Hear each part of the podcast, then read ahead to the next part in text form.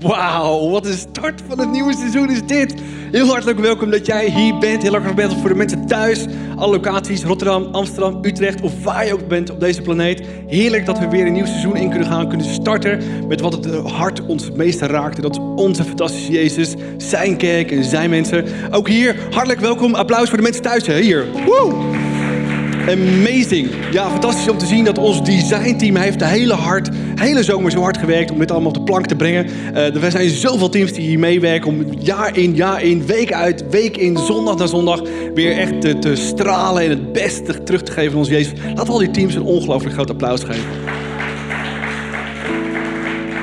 Ja, we starten het seizoen fris en fruitig met de serie I'm In. En we gaan de komende weken een aantal topics, vier om precies te zijn, gaan we aflopen. En vandaag is het allereerste topic, welkom thuis. En komende weken gaan we dus de andere topics echt stuk voor stuk bekijken. En als het welkom thuis is, wat betekent dat dan? Wat betekent dat voor Jezus? Wat betekent dat voor jou? Wat betekent dat voor mij als mijn gezin? Als, voor mij als persoon? Volgende week gaan we kijken dat jij onmisbaar bent voor Jezus en zijn mensen. En de week daarna gaan we kijken hoe je echt invloed kunt op, in, uitoefenen op de mensen heel positief om je heen. Zodat je niet alleen zelf verandert, maar dat de mensen om je heen ook veranderen. En de week daarna, over vier weken, gaan we kijken hoe kan je je leven nou investeren tot eer van God. Je kunt je leven op zo ontzettend veel manieren investeren. Je kunt het ruïneren, je kunt het simpelweg uitzitten en uitleven. Maar je kunt het ook investeren. Zodat het iets oplevert hier nu in deze wereld. Maar ook voor altijd en eeuwig als we bij God zijn. En laten we vandaag de basis gaan kijken van het evangelie. De basis gaan kijken, de rode lijn door de hele Bijbel heen. Want als we seizoen, seizoen en jaar weer fris beginnen, dan wil je beginnen bij het begin. Dan wil je starten bij waar je moet starten. Dan wil je van alle motivaties die je kunt hebben, beginnen met de juiste motivatie. En laten we vandaag beginnen met de juiste motivatie. Jezus hart. De reden waarom jij misschien hier zit. In ieder geval de reden waarom ik hier sta. Is Jezus hart. Dat Hij mij welkom thuis geheten heeft. Ooit. Dat is wat het begin van het evangelie is. Dat is het hart van God. Jij bent welkom. Jezus, God, houdt van jou. Oneindig. Wie je ook bent, wat je ook gedaan hebt, wat je op je kerst ook hebt, waar je ook vandaan komt. God houdt van jou. En ik hoop in deze message samen met jou aan het eind van deze message kippenvel te krijgen over Jezus liefde. Zodat we sterk het seizoen ingaan. De juiste motivatie hebben om weer de werkweek in te gaan je gezin te laten groeien, je relatie verder uit te bouwen. Laten we stap voor stap kijken waar dat toe leidt. Heb je ooit eens een keer meegemaakt in jouw leven dat je uh, uh, op Instagram was, op Facebook en je dacht: uh, Oh, ik wist niet dat er een feestje was. En waarom ben ik niet uitgenodigd? Iemand wel eens meegemaakt? Oh, hoe voelde je toen? Dat je dacht van, uh, hebben ze mij niet zien staan? Uh, heb ik soms een e-mail gemist? Heb ik soms een messageberichtje gemist? Of heb ik soms een Instagram message gemist? Heb ik soms een WhatsApp berichtje gemist? Heb ik soms een telex... Komt via veel kanalen hè, tegenwoordig. Ja, je weet soms niet meer waar berichtjes vandaan komen. Dat je ergens iets gemist hebt. En ik had ooit ook, toen ik jong was... Uh, was er een feestje en ik wist dat het een feestje was. En ik was uiteindelijk helemaal vergeten. En ik, ik, op een gegeven moment zie ik foto's voorbij komen. En ik denk, wat, wat, wat, wat, wat, wat, wat, wat, gebeurt hier nou? Eén, ik was niet officieel uitgenodigd, dus dan voel je je toch niet heel erg uitgenodigd, uitgenodigd toch? Uh, en uiteindelijk zie je dan zoveel leuke foto's voorbij komen. Je denkt, oh, ik wil een leuk party. En dan voel je je een beetje... Uh, ja, hoe voel je je dan? En misschien ga je dan nadenken over, uh, heb ik soms iets verkeerd gezegd tegen iets of iemand? Of heb ik soms misschien dingen gedaan die, ja, die, die ik niet had, had moeten doen? ja, zien mensen mij wel zitten. En voor je het misschien wel door hebt, zit je in een rollercoaster van misschien wel gevoelens en gedachten over wie jij bent. Van één simpel voorval. Of misschien heb je er niet eens een feestje voor nodig waar je niet voor uitgenodigd bent. Of voel je überhaupt al niet positief. Misschien schaam je voor wie je bent, hoe je eruit ziet. Misschien schaam je voor de dingen die je gedaan hebt in het verleden. Misschien schaam je voor je acties naar jezelf of naar de mensen om je heen, die mensen misschien die je pijn gedaan hebben. Hoe zit jij hier vandaag? Hoe zit je hier vanochtend? Voel je je helemaal geliefd door God Almachtig? Of zeg je, ja, nou, eer ik me zo ver voel, dan moeten er misschien eerst wel wat dingen veranderen in mijn leven. Of moet ik misschien eerst dingen gaan oplossen? Misschien moet ik eerst dingen beter doen. Moet ik eerst, eerst, eerst, eerst. Het eerste wat we moeten weten vanochtend is dat boven alles, het eerste, voordat je verandert, voordat je dingen goed wil doen, voordat je echt zelf eraan gewerkt hebt, moeten we weten dat God houdt van jou. Jezus verwelkomt de mensen die door anderen worden afgewezen. En misschien voel jij je ook afgewezen. En misschien heb je jezelf afgewezen. Misschien geloof je niet meer jezelf. Misschien hou je niet meer van jezelf. Misschien walg je wel van jezelf. Maar één ding weten we: God walgt niet van jou. En hij wil niet dat je eerst verandert. Hij wil eerst dat je zijn liefde ervaart. Zijn handen om je heen, die huk om je heen, die warmte, die acceptatie in plaats van afwijzing. Laten we duiken in een verhaal van Jezus waarin hij zwaar onderstreept hoe groot zijn liefde is. Het is een verhaal van 2000 jaar geleden. Lang geleden, maar het is een waar verhaal. Een echt verhaal gebeurd. Jezus leefde 2000, dik 2000 jaar geleden. En mensen wisten niet zo heel goed, inclusief zijn discipelen, ja, wie is die vent nou eigenlijk? misschien zit je hier ook, denk je, ja, ja, ik weet eigenlijk wel niet wie God is, wie kerk is. Laat ik het gewoon even uitchecken. En misschien heb je ook van die vraagtekens. En wil je onderzoeken wie die is, wat die is, of dat hij misschien wel de slimste man was, of toch een beetje een religieuze gek die maar wat deed. In die tijd waren er ook fariseërs. Nou, wij kennen de term fariseërs niet zo heel erg goed. En als je er wel wat van weet, is het vaak niet positief. En het was ook niet positief. Fariseërs, Sadduceërs, schriftgeleerden waren door en door doordrenkt van Gods woord en alle regeltjes die daarin staan. En het enige wat ze wilden doen, daar strikt aan houden. Niet vanuit je hart, niet vanuit een diep verlangen, maar omdat het moet. Niet de beste motivatie, denk ik. En wat ze heerlijk vonden, was om over al die regeltjes en theologie en bijbelpassages te interpreteren, te snappen, te begrijpen, op hoog niveau erover te discussiëren. En heel heftig jezelf daaraan te houden. Gebeden, reinigingsrituelen. Geestelijk gezien waren ze het summum van hun tijd. En de mensen van die tijd keken daar echt naar op. Ja, dat zijn fariseërs en sadduceërs. En die hebben geleerd en die snappen hoe het moet. En als ik me vergelijk met hun, dan voel ik me schuldig en akelig. Want die mensen zijn zo goed en ik ben zo slecht. En woe! En wat fariseërs ook heel erg goed konden doen, was afstand nemen van iedereen die zich niet aan de regeltjes hield zondig. En ik ben goed. En als ze dan samenkwamen op feestjes, nou, dan moet je natuurlijk niet denken, feestjes van de fariseërs, dat ze dan de barbecue aanslingerden, dat ze dan heerlijk gingen feesten en dit en dat en de, de barbecue aan en zie, ruik je de barbecue al? Wie ruikt? Oh, je ruikt de barbecue en denk, oh, heerlijk vlees. halleluja. En de muziek ging aan en nee, totaal niet. Geen barbecue. Zo was het feestje van de fariseeërs niet. Maar wat was het dan wel? Nou, het was ook geen dat fantastische feestje. Waarin ze aan het rappen waren. En woehoe, come on man. Let's sing some songs. En wat psalmen rappen. Hey yo, what's up man. Nee, totaal niet. Totaal niet. Maar wat deden ze dan wel? Precies.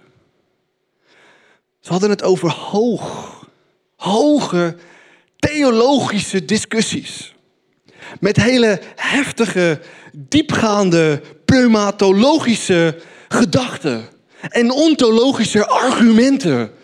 En heerlijke, fantastische onderbouwingen. En wat ze dan deden is, ze waren in het, in het bijhuis van hun huis. En dan kwamen ze samen en lachten, legden ze aan aan de tafel, want ze hadden nog geen stoelen.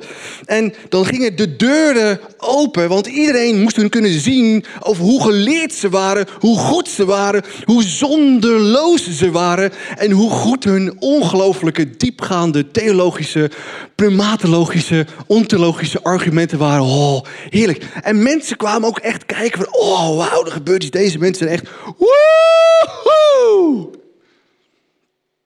Kun je je voorstellen? Ik nauwelijks. Maar dat was de realiteit van Jezus. En dan gebeurt er iets bijzonders. Jezus is ook uitgenodigd voor zo'n feestje. Woe! En Jezus die gaat daar naartoe. En er komt daar later nog een persoon bij. Jezus, snap ik, dat hij uitgenodigd werd. Hij was officieel geen fariseer, ook geen sadduceer, maar wel een rabbi en dus een schriftgeleerde. Hij had als jonge jongen zoveel geleerd, dat betekent de eerste vijf Bijbelboeken uit je hoofd. Ik vind één vers al heftig. Laat staan Genesis, Exodus, nummer niet. Leviticus, dit is echt ongelooflijk.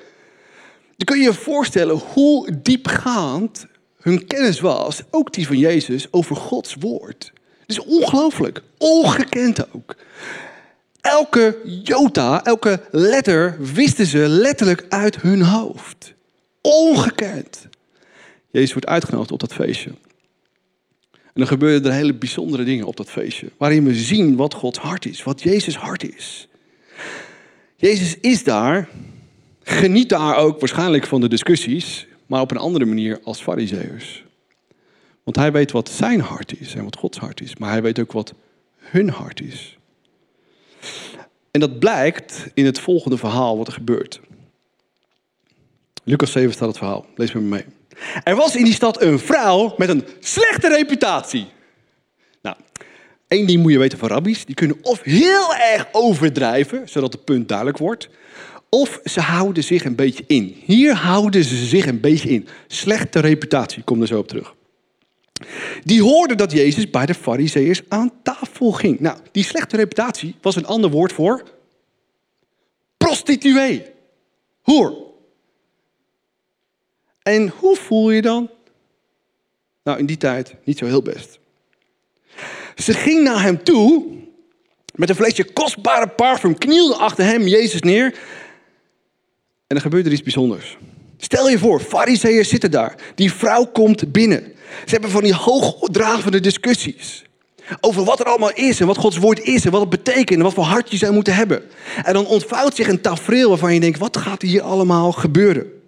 Nou, neem even tijd dat je dat beeld voor je ziet. Je ziet daar die fariseeërs, je ziet daar Jezus zitten. Die vrouw komt binnen, gaat achter Jezus die er aan ligt, gaat staan en, en ze gaat op de knieën en ze, huilt van dankbaarheid voor wie die is en wat hij voor kan betekenen. En, ze ziet dat die, dat die, dat die druppels haar zijn voeten nat maakt en ze probeert het droog te maken met haar haren wat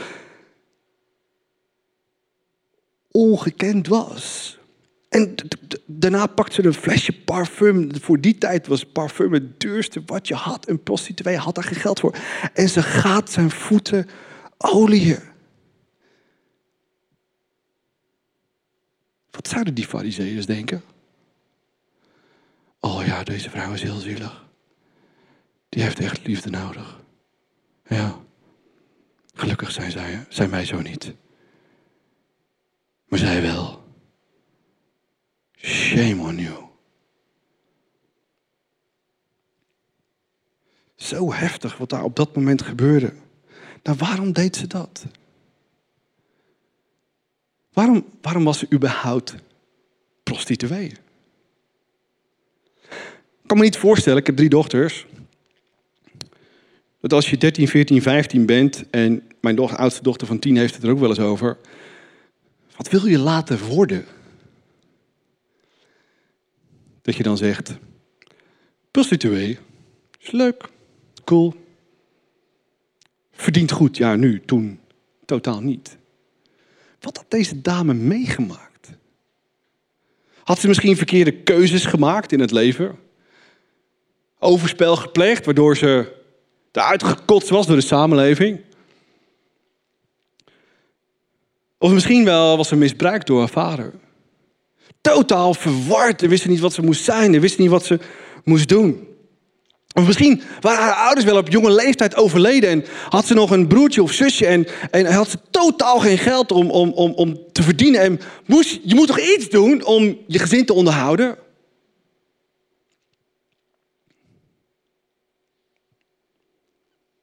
Of misschien wel de verkeerde man tegen het lijf aangelopen. Die alleen maar met zichzelf bezig was. Zijn vrouw verkeerd behandeld. Sloeg. Trapte. Niks nieuws voor die tijd, maar ook niks nieuws voor deze tijd. Of misschien had iemand haar zwanger gemaakt. En weer er vandoor gegaan. Waardoor je überhaupt in die tijd uit God was. Hoe durf je het in je hoofd te halen dat je zoiets doet? Laten we vanuit gaan dat dit de enige manier was voor haar om geld te verdienen. Om jezelf in leven te houden. We weten niet wat de achtergrond is van deze dame. Maar we kunnen er zeker over nadenken. Dat het niet zomaar vanzelf gekozen is, gekomen is. En ze voelde zich misschien net zoals veel van ons je ergens in je leven ook voelt. Buitengesloten. Je schaamt jezelf wie je bent. Hopeloos. Op zoek naar. Ja, waar ben je dan op zoek? Als je dat voelt, als je dat meemaakt. Als je dat over je heen krijgt. En dan gaat ze bij Jezus voeten liggen. Ze huilt. Ik denk dat ze huilt omdat ze van de verhalen gehoord heeft dat dat de man is die je verder kan helpen, die je hoop geeft, die je echte liefde geeft en acceptatie, waar je altijd thuis kunt komen, die je altijd verder helpt, die je kunt genezen van wat voor situatie dan ook in het leven. En ze gooit daar het duurste wat ze heeft, kostbaar parfum, over haar voet heen. En dan de reacties van de fariseërs. Schrijft boekdelen. We lezen verder. Ze ging naar hem toe met een flesje kostbaar parfum, knielde achter hem neer bij zijn voeten. De tranen liepen over haar wangen en ze viel op haar voeten van Jezus. Ze droogde zijn voeten met haar lange haar af, kuste en goot er de parfum uit. Ongekend, deze situatie. En misschien je het verhaal duizenden keren gelezen. Oh ja, leuk verhaal, cool, Jezus, oh ja, leuke setting. Ah ja, nice. Er gebeurt hier zo ontzettend veel. Deze vrouw wordt totaal uitgekotst in deze tijd zelfs in deze tijd zou het al een beetje apart zijn, toch? He, er komt, je zit ergens op een feestje, komt iemand naar je toe. en die denkt oh wauw, die begint te huilen. Uh, maak je een beetje nat, begint je met hele dure oude klonje of zo. Uh, gewoon dankbaar dat je denkt oh, dat is wel een beetje apart. Dat is wel een beetje apart, dat is wel een beetje apart. Dat is wel een beetje apart. Maar in deze setting is het heel extreem. En je moet als voor je zien in onze tijd. dat, dat, dat, dat grootheden aan een tafel zitten. Koning en koninginnen, premier Rutte en Angela Merkel. En die hebben al hoog niveau discussies over hoe gaan we corona beslechten. Er komt iemand naar zo'n persoon toe en die begint... Wat zou je dan doen? hey, uh, even terug in je hok. Dat is waar we het hier over hebben. Echt heel extreem. De fariseer zag dit allemaal aan en bedacht bij zichzelf... Nee, Jezus is geen profeet. Als hij door God was gestuurd, zou hij wel weten wat voor slechte vrouw dit is. Dan zou hij zich niet door haar hebben laten aanraken. Shame on you. En dan, hoe kan je ook anders in zo'n situatie? Als je echt God bent of niet, dat is de grote vraag in dit hele verhaal. Dat is altijd de grote vraag in je hele verhaal, ook in jouw situatie. Als we hulp nodig hebben, als we ons schamen, als we fout gemaakt hebben, groot of klein. Is Jezus mijn held, mijn vergeven en krijg ik kippenvel van alles wat hij voor mij betekent? Of is hij zomaar iemand? Zeker geen God, zeker geen profeet, zeker geen rabbi, zeker niet zo'n God die zeker mij niks te vertellen heeft. Dan gebeurt het volgende. Daarna keek hij, Jezus, naar de vrouw en zei tegen Simon, dat was de fariseer, ziet u deze vrouw? Toen ik in uw huis binnenkwam, Simon, hebt u niet de moeite genomen om het stof voor mijn voeten te wassen. Maar deze vrouw heeft mijn voeten gewassen met haar tranen en afgedroogd met haar haren. U hebt mij, Simon, niet begroet. Mijn voeten niet gekust. U hebt niet het gebruik in acht genomen, wat het gebruik was, belangrijk gebruik zelfs, om mijn hoofd met olie te zalven. Maar deze vrouw heeft mijn voeten gezalfd met kostbare parfum nog wel. Ze had zoveel zonden, maar die zijn haar ver. Woehoe! Amazing! Dat blijkt wel uit haar grote liefde. Iemand die voor weinig zonde vergeving heeft gekregen, geeft ook weinig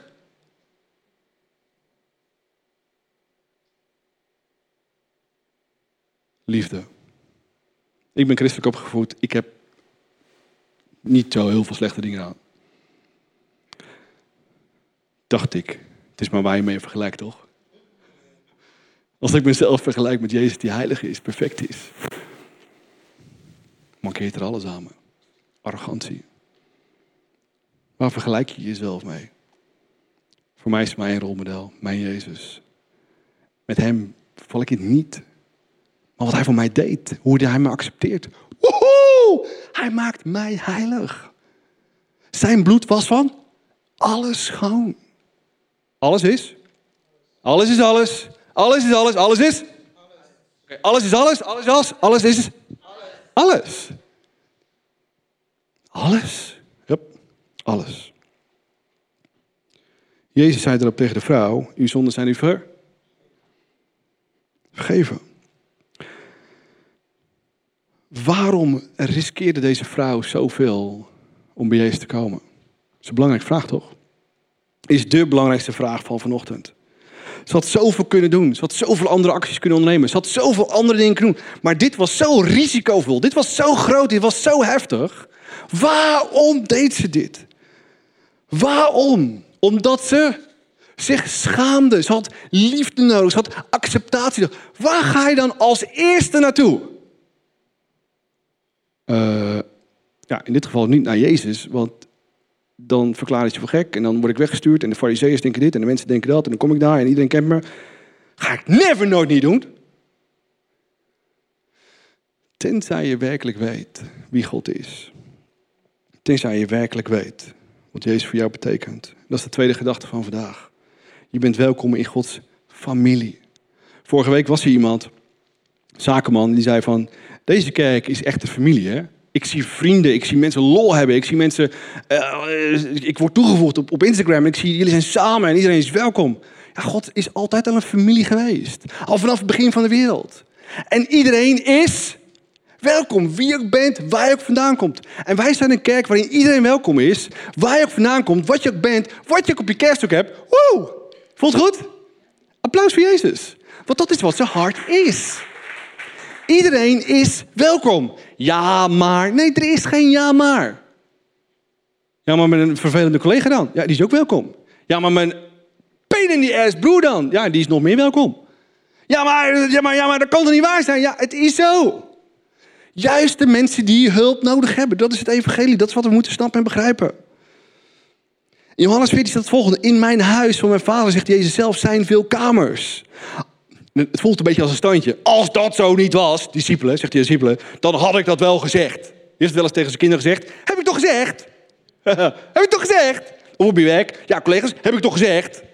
Jij zegt, ja, maar ik, iedereen is welkom. Iedereen is welkom. Iedereen is welkom. Voel jij je welkom? Of zit er nog ergens iets in je leven of gedachten van je denkt, ja, maar God, ik moet eerst dat goed doen. Zet het uit je hoofd.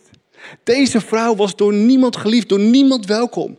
En de enige, de enige die zegt, jij bent welkom. Zij was uitschot. Jezus, jij bent welkom. De laatste gedachte van vandaag. Misschien wel de belangrijkste. Mensen veranderen als ze Gods liefde door jou heen ervaren. De grote vraag in deze is: waarom werd Jezus niet boos.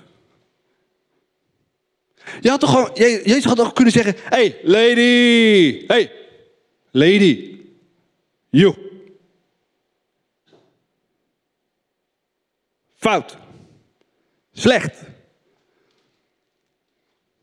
Beken je zonde. En heel misschien vergeef ik je. Klinkt dat positief? Klinkt dat positief? Klinkt dat positief? Is dat echte liefde of is dat de baas zijn? Arrogantie.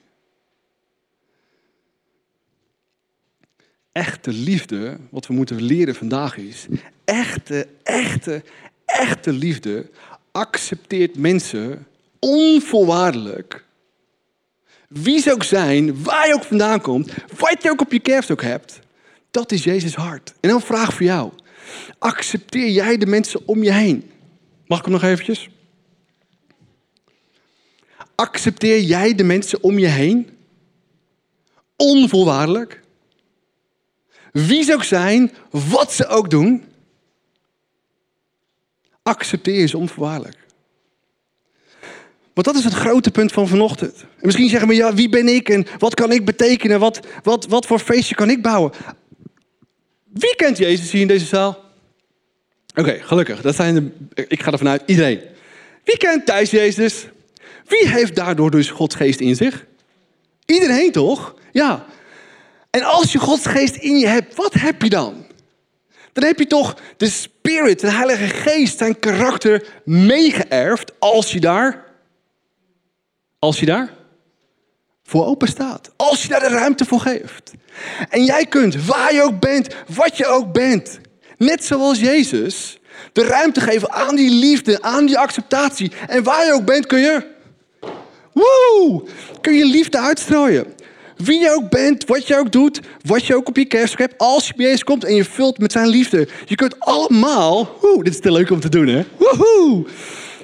Als ik bij me, bij me, bij me bij mijn dochter straks weer morgenochtend naar school breng. Dan probeer ik altijd weer de zonnehuis te zijn. Mensen te... Oh, dat gaat niet meer. High five. Vervelend. R5. R5. Hey, hoe is het? En mijn dochter, middelste dochter, doet precies hetzelfde. En overal waar ik ben is een... Is een feestje. Je kunt altijd voor een feestje bouwen, maar zijn we bewust dat Jezus van je houdt? Ben je doordrongen dat hij van je houdt? Ben je doordrongen dat hij geweldige dingen door je heen kan doen? Ben je doordrongen dat je ook altijd een feestje kunt maken? Ben je, weet je dat als je hier op het laatste moment binnenkomt, valt er weinig feestje meer te bouwen. Maar als je hier in de celebration veel eerder komt, dan kun je een feestje bouwen. Ben je bewust dat als je thuis zit te kijken, dat als je deze stream deelt, dat je ook de party deelt? Want dat is wat het is. We kunnen de party bouwen waar we zijn. Je hebt maar een vierkante meter nodig om de joy die God in je hart gelegd hebt te laten zien, mensen te accepteren en de joy te ervaren die God in je hart gelegd hebt. Waar is jouw feestje? Wat is jouw joy?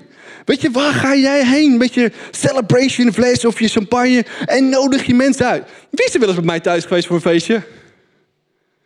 Ja, ik denk dat heel ICF wel eens. Ik heb bij mij thuis geweest is voor feestje. Oh, wij hebben zulke foute feestjes gehad bij. Woe! Was iedereen welkom?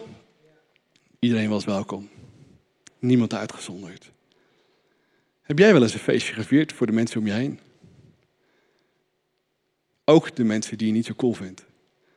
En geloof me, er zijn bij mij thuis glazen gebroken, wijn over de bank heen. Maar we hebben, we hebben lol gehad. We hebben ons huis opengezet. Al onze buren zijn er wel eens een keertje hier bij chef geweest. Omdat het een kwestie van je hart is. Als jij welkom thuis bent bij jou Jezus. Wat hij voor jou gedaan heeft. Dat hij met zijn armen wijd hangt aan een kruis.